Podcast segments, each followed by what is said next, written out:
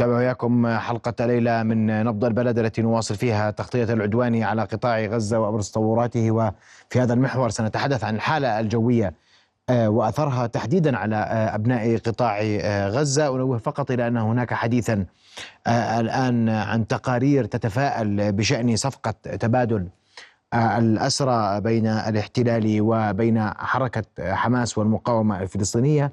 في هذا المحور سنبحث مع مراسلنا من غزة غازي العلول المعاناة التي يقضي فيها الغزيين ليلهم اليوم بعد هذه الحالة الجوية. وسنكون قبل ذلك مع الأستاذ جمال الموسى. من طقس العرب مباشرة المستشار في طقس العرب الحديث عن تطورات الحالة الجوية آه، في غزة تحديدا وفي عموم آه، المنطقة. الأستاذ جمال الموسى آه، معنا مباشرة. أستاذ جمال مساء الخير لك. وأبدأ معك أستاذ جمال في آخر تطورات الحالة الجوية التي تؤثر على المملكة خلال الساعات القليلة القادمة. وتحديدا نريد مزيد من تسليط الضوء على قطاع غزة. بودكاست. آه، مساء الخير لحضرتك أخي محمد. فعلا بدأت المملكة اعتبارا صباح هذا اليوم بالتأثر بمنخفض جوي وكتلة هوائية باردة. هذا المنخفض كان شمال تركيا. لكن الجبهة الهوائية الباردة المصاحبة لهذا المنخفض بدأ تأثيرها في صباح هذا اليوم المناطق الشمالية امتدت بعد ظهر هذا اليوم وبعد العصر والمساء لتشمل تقريبا معظم مناطق المملكة الشمالية والوسطى وأيضا الجنوبية. طبعا آه، نحرف إحنا غزة هي جزء من فلسطين وفلسطين جزء من بلاد الشام.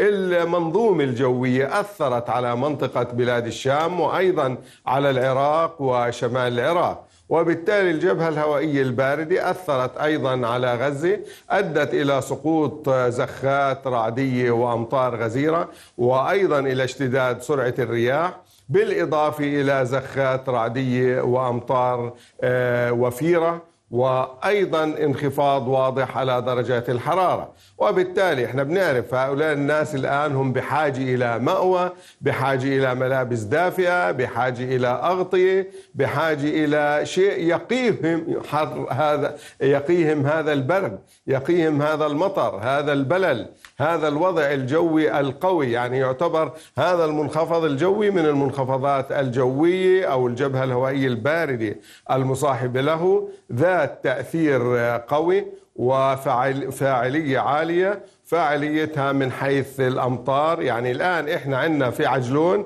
لحد الآن أو الساعة 8 من مساء هذا اليوم سجلت أكثر من 90 ملم وبالتالي غدا صباحا نتوقع أنها تكون تجاوزت ال 100 ملم أيضا منطقة ملكة يعني أكثر شيء كان في المناطق الشمالية. أيضا الطفيله وصلها حوالي ما يقارب من ال 30 ملم الكرك أيضا كمية وفيرة. المفرق أيضا. اذا كانت الأمطار شاملة. العاصمة عمان أيضا كانت أمطار غزيرة وشديدة وأيضا كان في برق آه، خاصة في بعد الساعة أربعة من بعد في بعد عصر هذا اليوم كان في برق ما سمعتش رعد لكن لكن كان موجود وهذا يعني وجود الغيوم الركام والركام المزني المصاحب للجبهة الهوائية الباردة اللي أعطتنا. زخات نعم. قوية من الأمطار والحمد لله الحاله المتوقعه خلال الساعات المقبلة تحديدا في قطاع غزة أبدأ من غزة ومن ثم أنتقل للمملكة يا أستاذ جمال غزة بيستمر التأثير يعني الآن هلأ شفت صور الأقمار الصناعية قبل ما أدخل الآن وقبل ما نعمل المقابلة تقريبا كانت قبل ساعة ساعتين غزيرة في منطقة غزة وشمال غزة. الآن أصبحت غزارة الأمطار موجودة في جنوب غزة في منطقة رفح في منطقة خان يونس ومنطقة جنوب غزة وبالتالي أمطار غزيرة وكميات وفيرة من الأمطار. عداك أنه في هناك انخفاض واضح على درجات الحرارة يعني أجواء باردة عاصفة من حيث الرياح ماطرة عواصف رعدية قد تكون أحيانا مصحوبة بالبرد بالبرق بالبرد بالرعد. هذه كلها موجودة الآن هذه الليلة في منطقة غزة وخاصة المنطقة الجنوبية من غزة خاصة رفح وخان يونس. حاليا تشهد أمطار غزيرة. الوضعية غدا تخف يوم الاثنين إن شاء الله. بتخف سرعة الرياح بتخف شدة الأمطار.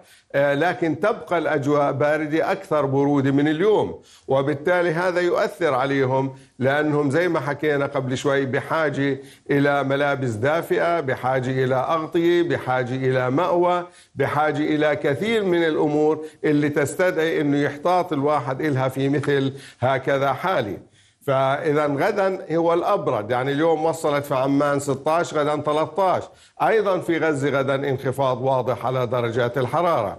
أجواء غائمة جزئيا. قديش تتوقع الحراره بغزة بكرة؟ الليلة قديش بسجل في غزة أستاذ جمال؟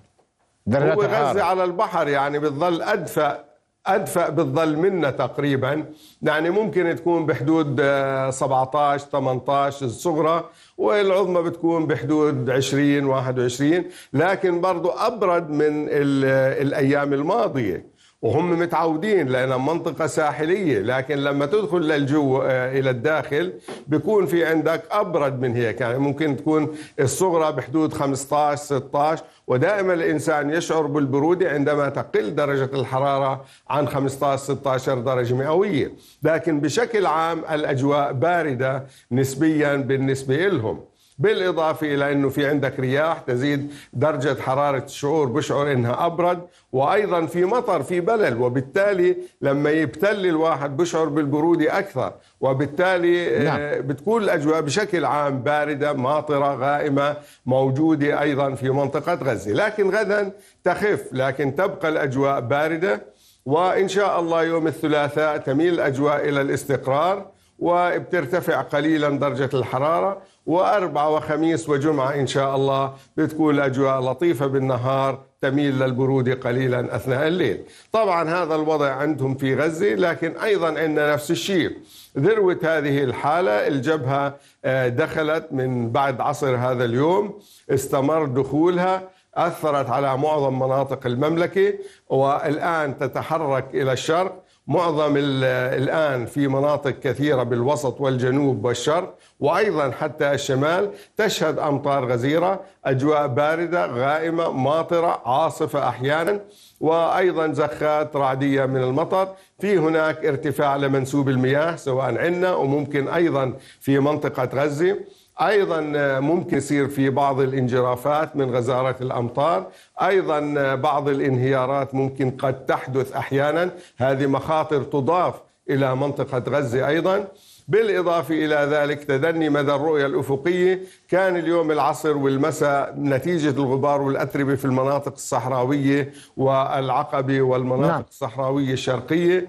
لكن بعد الهطول صار تدني مدى الرؤية بسبب الضباب والغيوم الملامسة لسطح الأرض. يعني ممكن كمان الليل يصير بعض الضباب بعض الغيوم ملامسة لسطح الأرض عندنا هون وأيضا في منطقة غزة أيضا.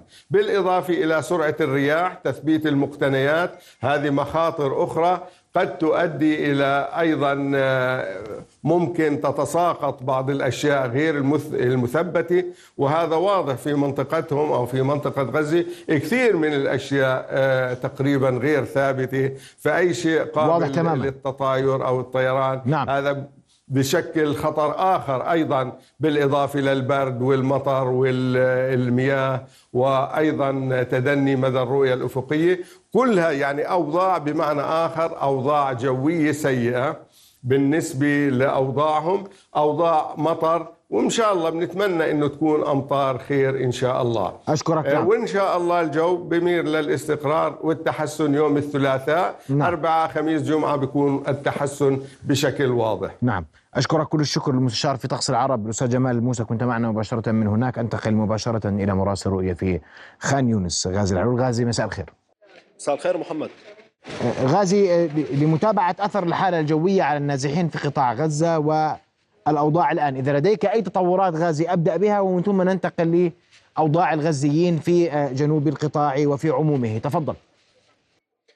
نعم محمد آه، الأوضاع مأساوية هنا. كنت قد قلت سابقا بأن عشرة دقائق فقط من هطول الأمطار كانت كافية حتى تغرق خيام الغزيين.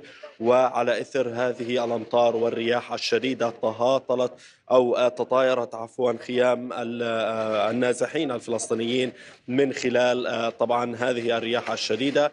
ولم يعد لهم مكانا يجلسون فيه بعد أن ذهبوا باتجاه المجهول خلال الأيام الماضية عندما نزحوا وقدموا إلى جنوب القطاع. هنا الخيام غرقت جرفت نتيجة سيول الأمطار سيما وأننا نتحدث عن بنية تحتية منهارة تماما مع القصف المستمر على قطاع غزة. وأيضا هناك عائلات فلسطينية تفترش الشوارع ولا تجد لا خيام ولا حتى منازل تأويها.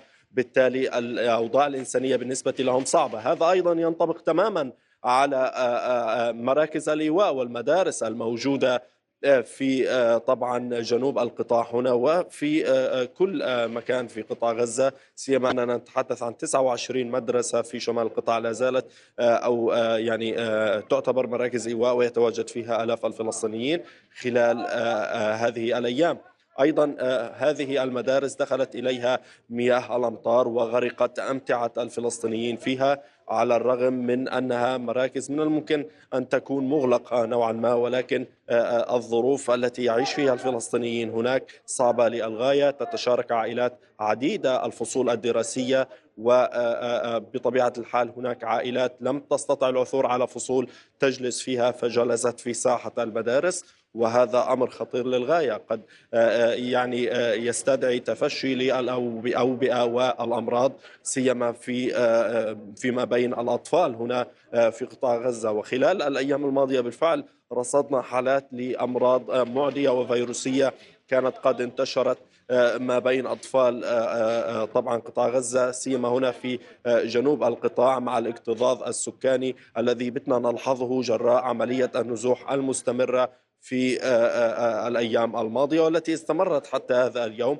هناك آلاف الفلسطينيين يأتون من شمال القطاع إلى جنوبه. نعم.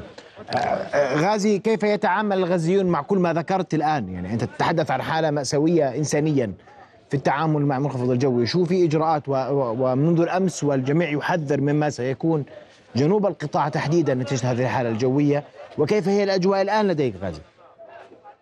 هي هي حالة مأساوية مستمرة وتزداد سوءا في ظل هذه الظروف من الصقيع والرياح الشديدة وأيضا الأمطار. الفلسطينيون هنا ابتكروا بعض الحيل التي لا تسمن ولا تغني من جوع في حقيقة الأمر. يضعون بعض النايلون أو البلاستيك على خيامهم أو حتى في الأماكن التي يجلسون فيها أملا في حمايتهم من هذه الرياح وهذه الأمطار. ولكن في حقيقة الأمر المنخفض الجوي الذي بدأ اليوم سيستمر لثلاثة أيام. ومثل هذه الإجراءات وهذه الحيل البسيطة أبدا لن تنجح وستفشل في حماية الفلسطينيين من آثار هذا المنخفض. بالتالي عمليا نحن أمام أيام صعبة بالنسبة لهم وخاصة ذلك في ظل قصف من قبل الطائرات الحربية الإسرائيلية وأيضا المدفعية والاستهداف المباشر لمراكز النازحين.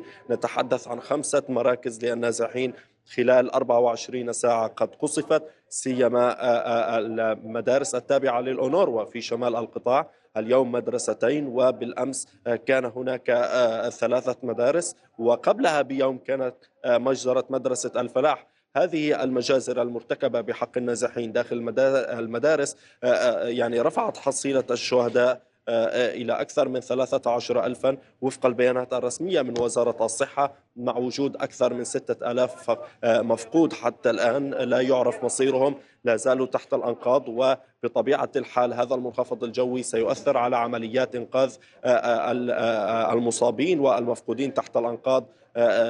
خاصة وأن الإمكانات التي تمتلكها أطقم الدفاع المدني لا تسعفها أبدا على التعامل مع مثل هذه الظروف وهذه المآسي بطبيعة الحال. هي في الوضع الطبيعي يعني كنا نلحظ بأن شوارع في غزة كانت تغرق من من هطول الأمطار. والآن نتحدث عن تدمير كامل للبنية التحتية وللمصارف الصحية ولطبعا الأماكن التي من الممكن أن تفرغ فيها مياه الأمطار. وهذا كله لم يعد متاحا والخيارات باتت ضيقة أمام البلديات أمام الدفاع المدني وهو بالفعل ما يؤثر على عمل طبعا هذه الأطقم في مساعدة المصابين جراء الاستهدافات التي لم تتوقف والتي كان آخرها مجزرتين ارتكبتا قبل قليل في آه، بلدة جباليا بالتحديد الاستهدافين آه، آه، أو هذا الاستهداف طال مربعا سكنيا كاملا في نعم. البلدة لعوائل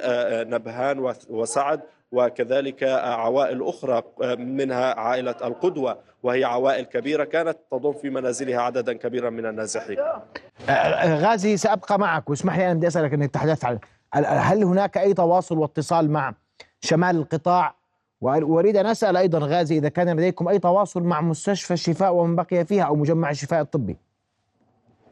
نعم دعني أبدأ من مجمع الشفاء الطبي. بالفعل اليوم وصل عدد من المصابين والمرضى من مجمع الشفاء الطبي الذين استطاعوا إخلاء آه هذا المستشفى ووصلوا إلى جنوب القطاع هنا. عمليا من بقي داخل المستشفى الآن هم 259 آه، مريضا برفقتهم. فقط أربعة من الأطباء آه، هم يناشدون الآن بضرورة تدخل المنظمات الأممية لاستقدامهم إلى جنوب القطاع. هنا ليتم التعامل معهم آه، وفق حالتهم السيئة سيما وأن التيار الكهرباء انقطع عن مجمع الشفاء الطبي مع بداية محاصرته منذ نحو أكثر من أسبوع وهو أمر غاية في الخطورة مما قد يؤثر على صحتهم وقد يودي بحياتهم في نهاية المطاف.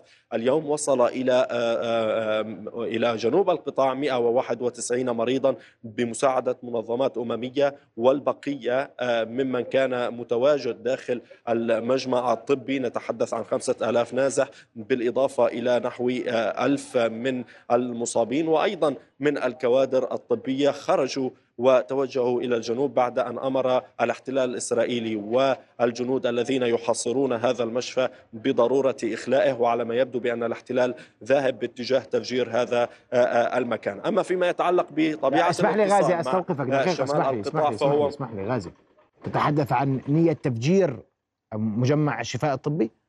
نعم وهذا السيناريو بات واضحا سيما وأن آه، آه، آه، الاستهدافات التي طالت بقية المشافي على غرار مشفى الرنتيسي دمر بالكامل وهناك أضرار كبيرة في بقية الأقسام فيه ولكن حتى هذه اللحظة في مجمع الشفاء الطبي كان هناك تفتيشا حثيثا ومن بعد التفتيش كان هناك تدميرا لبعض الأقسام داخل المباني والمرافق الصحية الموجودة داخل مجمع الشفاء الطبي الاحتلال يعني يغمض العين على تصرفاته داخل هذا هذه المستشفى. قام بتجريف الساحة الخضراء فيه جرف وانتشل جثامين أو آه، آه، يعني خطف جثامين كانت قد دفنت داخل المستشفى بعد أن حصرها واختطف ثلاثة منهم. أي أن هذه النية مبيتة منذ البداية وهو بالفعل يسعى إلى ذلك. وهذا يتزامن مع الحديث عن رغبته في السماح بإدخال المستشفيات الميدانية إلى جنوب القطاع على غرار المستشفى الإماراتي والمستشفى القطري وأيضا المستشفى الأردني الذي من المتوقع أن يصل آه، آه، صباح الغد من الساعة العاشرة إلى الساعة الثانية عشر وفق ما وردنا. بالتالي هو يريد تدمير البنية التحتية للمنظومة الصحية نهائيا ويريد بطبيعة الحال تدميرها بشكل كامل. وتدميرها بشكل كامل سيكون من خلال التفجير أو القصف المباشر أو استمرار المدفعية في قصف بقية الأقسام بداخل أو داخل هذا المجمع الطبي. وعلى ما يبدو بأننا متجهون نحو هذا السيناريو بالتزامن مع استمرار محاصرة هذا المستشفى ووجود عدد فيه. ربما إذا ما تم إخلاء بقية المرضى والكادر الطبي المتواجد فإن الاحتلال سيذهب باتجاه تنفيذ هذا الأمر وهذا أيضا آه، ينطبق على بقية المستشفيات التي لا زال حتى هذه اللحظة آه، يحاصرها على الرغم من انسحابه من بعض المحاور التي كان يقاتل فيها منذ آه، ثلاثة أيام. انسحب من شارع الثلاثين من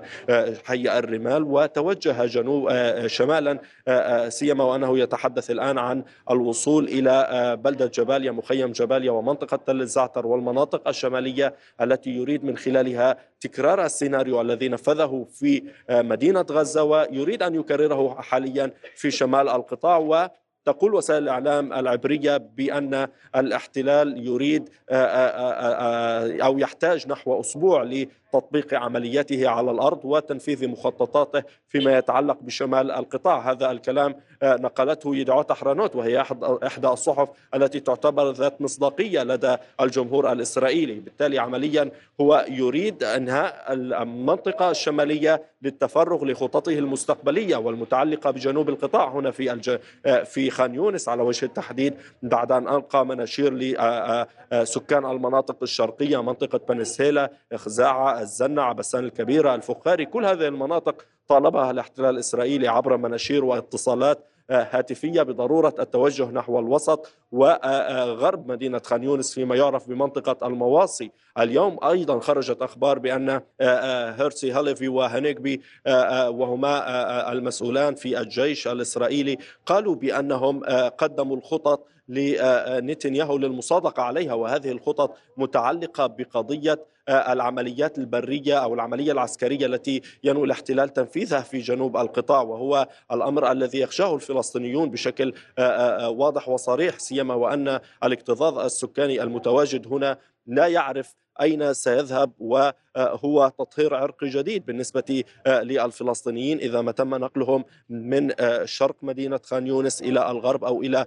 آه، إلى المناطق الجنوبية أكثر مثلا مدينة رفح وهو ما يفسر بأن الاحتلال يريد بالفعل الذهاب باتجاه تضييق الخناق على الفلسطينيين وبات من غير المفهوم إذا ما كان يسعى بالفعل للوصول إلى المناطق الأقصى جنوب آه، القطاع كرفح نعم. أو حتى إذا ما أراد تطبيق خطته في الهجرة. طيب آه، آه، لا أحد يطبق الهجرة على الغزيين هذا واضح وهذا مفهوم وهذا قناعة لنا جميعا ولكم أيضا في قطاع غزة. والاحتلال يحاول جاهدا أن يضغط على المنظومة الصحية للضغط على الغزيين وهذا بالتأكيد ما لن, ما لن يسمح به أهالي غزة. المتمسكين بأرضهم وتراثهم. وأعود للشمال آه، إذا كان هناك أي تواصل مع من هم متواجدون شمال القطاع غازي. بعجالة لو سمحت. نعم منذ آه، انقطاع الاتصال بسبب آه، نفاذ كميات الوقود والتي أعلن عنها يوم الخميس الماضي وبالفعل فقدنا الاتصال ليوم ونصف. هنا في جنوب القطاع وفي كل أرجاء قطاع غزة. وبعد أن وصلت بعض الشاحنات لشركة الاتصالات نتحدث عن 17 ألف آه، لتر عفوا من الوقود وصلت بالفعل إلى شركة الاتصالات وإلى البلديات. هنا للعمل في إطار آه، آه، عودة الاتصالات. عادت هذه الاتصالات فقط في جنوب القطاع ولم تعد في شمال القطاع على اعتبار أنها آه، منطقة عسكرية مغلقة ومنطقة عملياتية بالنسبة لجيش الاحتلال الإسرائيلي، أي أننا لا نعرف ابدا أخبار ما يدور في شمال قطاع غزة سوى آه، من خلال المصادر الطبية التي لا زالت تمتلك بعض الوقود وتشغل بعض الأقسام الضيقة في المستشفى الأندونيسي على سبيل المثال، بالتالي الأخبار منقطعة من شمال القطاع تماما ولا يمكن معرفة مصير من بقي هناك آه، آه، كيف سيكون خاصة وأننا نتحدث عن بدء عملية موسعة آه، في الشمال بالتحديد منطقة مخيم جباليا بلدة جباليا كذلك المناطق الأخرى منطقة الصفطاوي. اليوم شهدت اشتباكات عنيفة بين المقاومة الفلسطينية وجيش الاحتلال الإسرائيلي. أيضا مناطق أخرى من المتوقع أن تصل لها الآليات العسكرية الإسرائيلية وأن تدور فيها اشتباكات على إثر هذه الاشتباكات بالمناسبة اليوم المقاومة الفلسطينية أعلنت إعطاب وتدمير 29 آلية اسمح لي غازي لكن لا اسمح لي يعني, يعني لا أريد أن أكرر معلومات فقط لوقت ضيق الوقت غازي. إذا لا اتصال مع الشمال ولا تعلمون حال من بقي يقطن شمال قطاع غزة اليوم. تماما أبدا لا يوجد اتصال مع شمال قطاع غزة. وحتى هنا في الجنوب الاتصال آه، نجد فيه صعوبة بالنظر لسوء الأحوال الجوية وأيضا لتدمير أبراج الإرسال وكذلك آه، آه، تضرر المقاسم والبنية التحتية بالنسبة لشركة الاتصالات. لكن الاتصالات مع شمال القطاع ومدينة غزة انقطعت تماما. نعم أشكرك كل الشكر غازي العلول مراسل رؤيا في منطقة خان يونس وفي قطاع غزة. أشكرك كل الشكر. رؤيا بودكاست.